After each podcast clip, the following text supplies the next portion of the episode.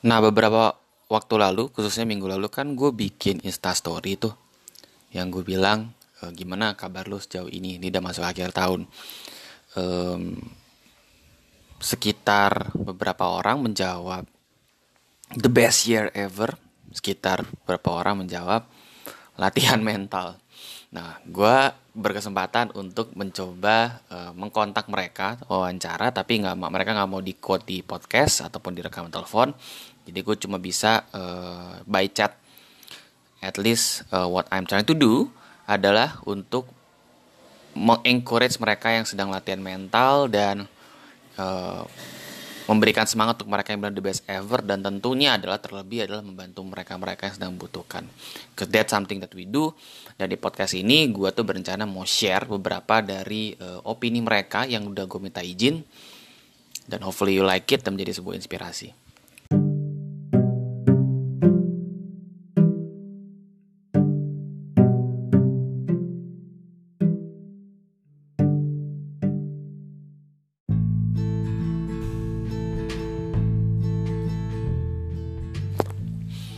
So welcome back again di podcast Bataknesia Setelah dua minggu nggak update lagi uh, Mohon maaf banget. Namanya juga orang masih kerja ya Mengais duit dari klien-klien dan juga perusahaan tempat gue kerja full time. Well anyways, akhirnya ada waktu juga sih untuk bisa lo waktu sedikit lowong untuk bisa rekaman dan update lagi. Nah, uh, minggu lalu tuh gue bikin story kan seperti yang gue jelasin di bukan tersebut. Latar belakangnya adalah uh, eh, gue ngerasa tuh tahun 2020 atau tahun sekarang tuh udah tahun yang banyak hal di mana kita ngerasa ini tahun yang paling panjang gitu.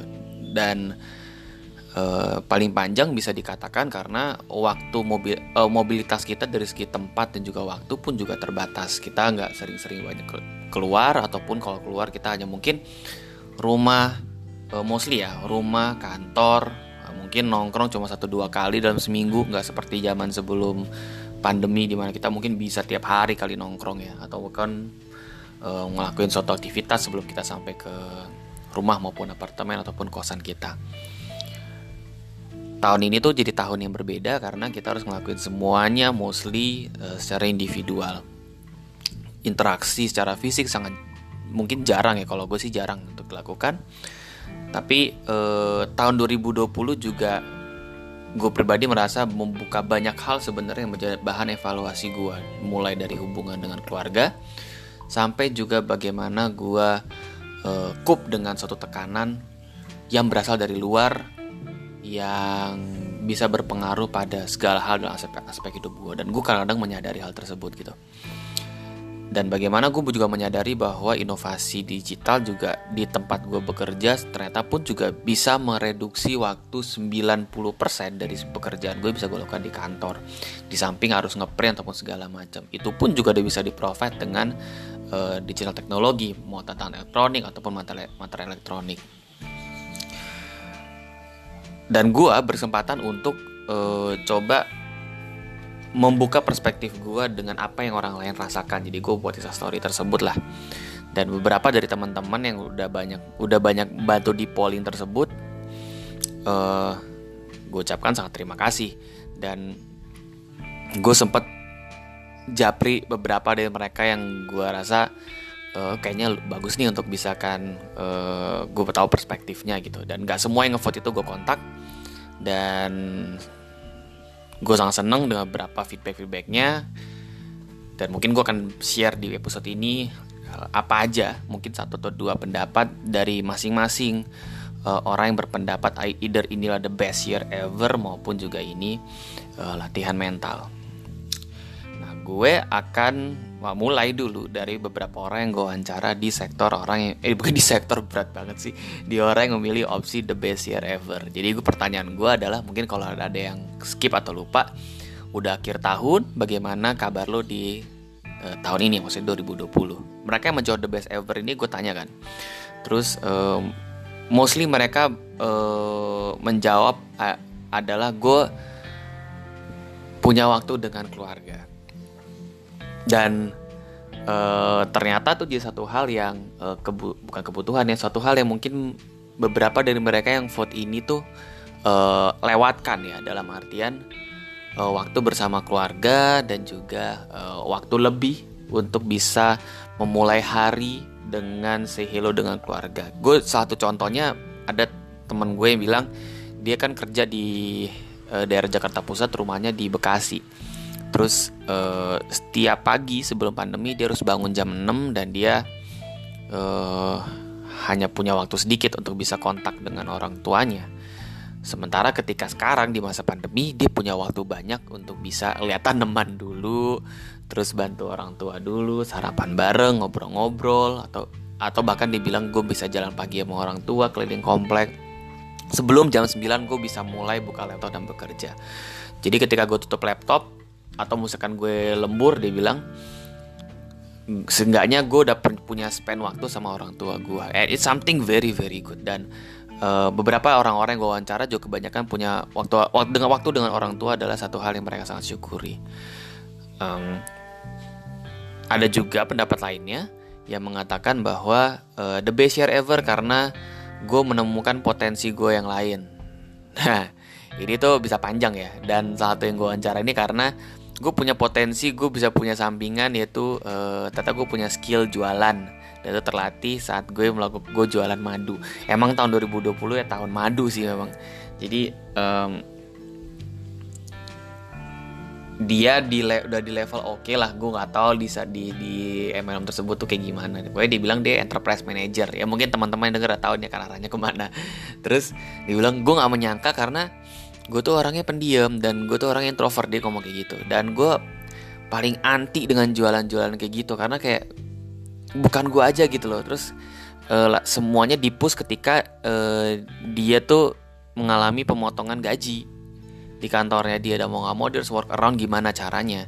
Dia bilang gue sempat kepikiran bikin usaha tapi gue butuh modal. Dan balik modal usaha itu even makanan pun juga uh, gak akan semaksimal ataupun seminimum kalau misalkan gue cari uh, channel yang lain dia bilang kayak gitu.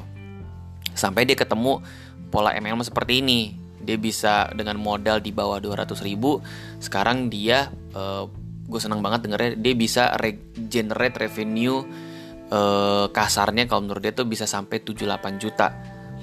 Uh, dia ngomong gue gak tau yang ngomong per bulan atau per, per transaksi gue ngerti. Cuman dia bilang gue bisa sampai segitu dia bilang uh, untuk level gue yang sekarang. Jadi gue bisa wow gue bilang wow keren juga loh gitu. Guys gue bilang uh, berarti dari gaji lu yang kepotong sekarang lu berarti uh, udah full balik lagi dong uh, dengan spending sekarang dengan pendapatan sampingan lo. Oh iya terus bilang iya. Malah kayak gue kepikiran gue bisa aja berhenti kerja kantoran dan akan full time di sini untuk naikin level gue karena dia bilang kayak gue udah sampai kalau udah sampai highest ranking gue bisa ratusan juta kalimat. Terus gue, pikir wow keren banget. Dan itu juga uh, menjadi bahan dik dip gue ke dia uh, ketika gue tanya berarti selama ini karir yang lo jalanin bukan satu hal yang gue sukain dong? Terus dia bilang gue suka cuman kayak uh, yang namanya kerja kantor kerja sama orang tapi aja nggak nggak nggak menyenangkan kan? Pada akhirnya ya gue juga udah uh, punya suami gue punya anak akan ada satu hari di mana gue harus berhenti bekerja dan gue nggak tahu channel gue apa yang memungkinkan untuk melakukan suatu. Tidak menutup kemungkinan dia bilang gue akan berusaha entah buka bisnis clothing lain ataupun makanan, tapi gue rasa untuk opo, untuk untuk diri gue uh, pola sampingan kayak gini, kalau gue mau seriusin jadi full time, rasanya akan jauh lebih profitable. Dia ngomong seperti itu. Kembali itu opsi tangan teman masing-masing. Dan uh, gue sedikit recap memang banyak banget MLM gue sebenarnya gue join ya. Even though gue nggak begitu seambi itu untuk kayak ngejar pendapatan besar-besar karena kayak gue pikir MLM ketika gue join MLM I have something inter I, I have other interest to do uh, to shaping my other skills yang mungkin akan relevan di masa depan. Tidak begitu banyak soal soal revenue. Um, makanya gue nggak begitu intens untuk bikin atau update uh, lead sheet ataupun juga uh, buat approach atau call ya. Ya karena karena pun juga itu bukan fokus utama gue sih gitu. And then dan banyak banget teman-teman kampus gue atau teman-teman yang lainnya pun juga uh, buka usaha seperti itu gitu. Dan uh, sedikit ngulik dari sisi yang keahlian gue gue sempet nanya lo ke gimana sih? Ada perjanjiannya nggak ada. Terus gue bilang oh lo nggak ada perjanjian. Tapi pasti lo ada ada sistem tersendiri kan. Dia bilang oh iya ada. Jadi memang uh, this is something yang you can you can opt in tapi lo juga bisa lo juga bisa opt out sesuka lo gitu. Jadi lo bisa aktif di sini tapi lo pun, pun juga bisa pasif tanpa lo merasa lo bisa dirugikan gitu. Which mean bisa masuk ke dalam isu-isu hukum misalkan uh, bagaimana data yang disimpan di elektronik sistemnya tempat LMLM-nya lo pada bekerja terus juga lo punya hak untuk bisa seperti itu dan lo punya hak untuk delete. Karena beberapa yang lo MLM termasuk MLM gue gak tau MLM yang madu ya. Cuman gue sempat nanya yang seperti ini uh, yang kayak gini terus dia bilang oh datanya nggak bisa dihapus. Padahal tuh sama sebenarnya ngelanggar uh, PP 71 2011 alah nah kekum lagi. Pokoknya ada peraturan yang mana ada juga di UU-nya yang mengatakan lo punya hak untuk dilupakan termasuk pun juga hak untuk dihapus. Data lo di system karena itu hak lo data primer ya bukan data sekunder.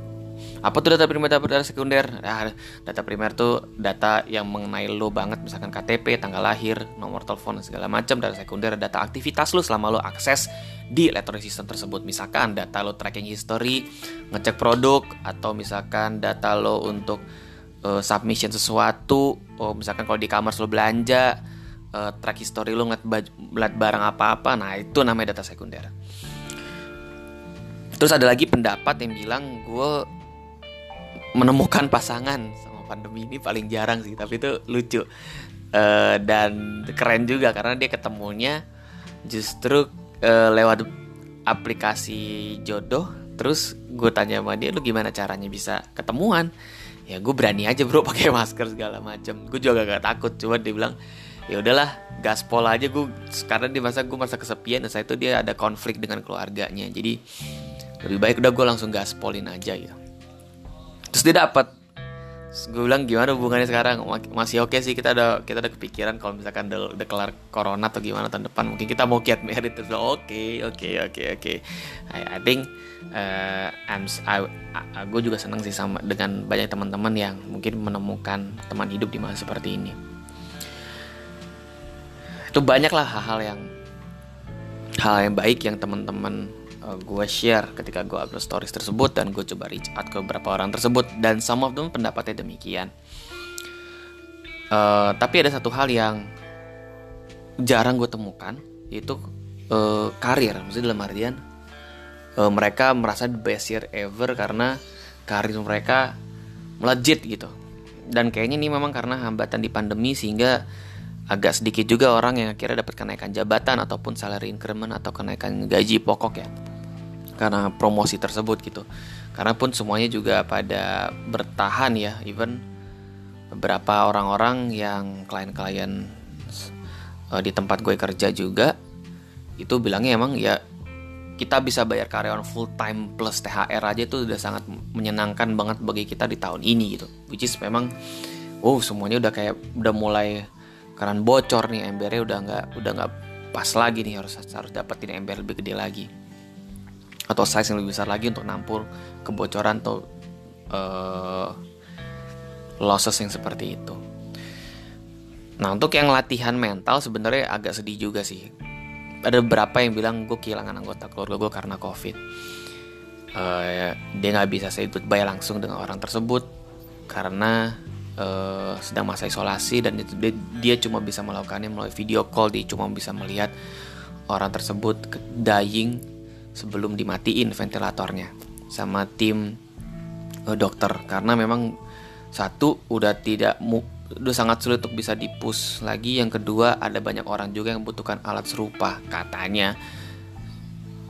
Untuk ke pasien lain yang mungkin punya chance hidup yang lebih lebih lagi. Uh, saat untuk kayak gitu tuh gue kadang-kadang mikir ya gue nggak bisa ngomong lebih jauh. Kadang gue juga belum belum dan gue amit-amit berada di posisi seperti itu. Tapi satu hal yang yang yang not yang gue highlight ketika gue berbicara dengan orang ini adalah memang kayaknya setiap kali orang-orang yang mungkin udah kehilangan udah punya perspektif yang berbeda dengan setiap kebijakan pemerintah ya. Jadi kayak mereka mikirnya udah agak lebih udah lebih skeptis. Padahal dia dulu ini pendukung pemerintah banget lah waktu tahun-tahun kemarin tuh dia nyoblos dan die hard banget sampai ngepost ngepost di Facebook maupun di Twitter ya dia untuk dukung calon dia yang akhirnya menang sekarang menjabat. Tapi sekarang semenjak itu terjadi dia mulai sedikit berubah perspektifnya. Meskipun dia ngerti stretch outnya ada hal yang mungkin yang yang dia nggak tahu tapi ya penguasa tahu gitu. Ada juga yang bilang latihan mental karena ya gaji dipotong dan uh, anak istri makan apa uh, ada juga yang gaji dipotong sehingga nggak bisa lagi sustain bantu suami untuk cari nafkah. Sementara uh, mereka sudah punya anak satu. Masih masih kecil dan biaya biayanya anak bayi kan nggak murah ya. Susu dan pampers itu kan nggak itu kan bukan barang murah juga sebenarnya. Mas, meskipun itu adalah uh, konsumsi bulanan gitu. Sedih juga lagi kan. Ya gue belum posisi itu juga. Makanya gue juga eh, nggak uh, bisa komentar banyak.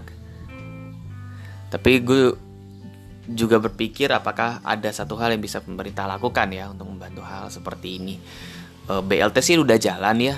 Cuman sistem timeline yang kayak gini tuh yang belum apa ya penyaluran cara timeline dengan besaran yang seperti itu untuk yang casing seperti yang seperti ini kayaknya masih belum begitu adequate um, mungkin ada hal-hal lain yang mungkin bisa di dieksplor secara out of the box lah. Kalau kalau gue lihat bagi uh, pemerintah sekarang gitu instead of hanya sebagai BLT ya butuh instrumen lain sih kalau menurut gue. Ada juga yang bilang latihan mental karena di tahun ini tuh usahanya hancur-hancuran. Dalam artian uh, ada yang revenue turun drastis ada yang akhirnya mesti tutup. Mostly uh, karena memang uh, customer juga nggak berani datang ataupun juga customer menganggap gue punya spending yang lebih penting dibanding itu. Dan mereka kira mesti harus tutup usahanya dia. Itu juga hal yang cukup berat sih untuk gue bisa uh, proses dan uh, gimana caranya ya gue cu gue cuma bisa mendengarkan aja sih jadi good listener saat saat kayak gitu terus juga ada juga sih yang beberapa yang latihan mentalnya tuh uh, karena karena cuma di rumah jadinya dia uh, full kerja WFH tapi juga ngurus anak. Dan itu juga latihan mental banget bagi mereka karena mereka mau nggak mau satu yang gue tanya strateginya dia bangun jam 6 pagi terus dia kerjakan slot kerja dia sampai jam 9 nah itu untuk mengcover jam kerja dia 9 sampai 12. Karena jam di jam tersebut dia harus nemenin anaknya PJJ, pembelajaran jarak jauh di sekolah untuk nge-supervise lah. Terus dia akan lanjut kerja lagi jam 1 sampai jam 2. 2 sampai 4 dia uh, review PR uh, tugas-tugas anak-anaknya.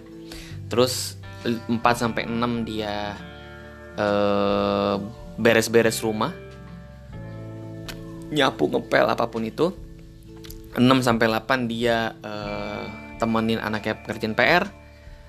8 sampai 9 siapin makan malam, 9 sampai 10 nemenin laki tidur, 10 sampai 12 atau sampai jam 1 dia kerja lagi.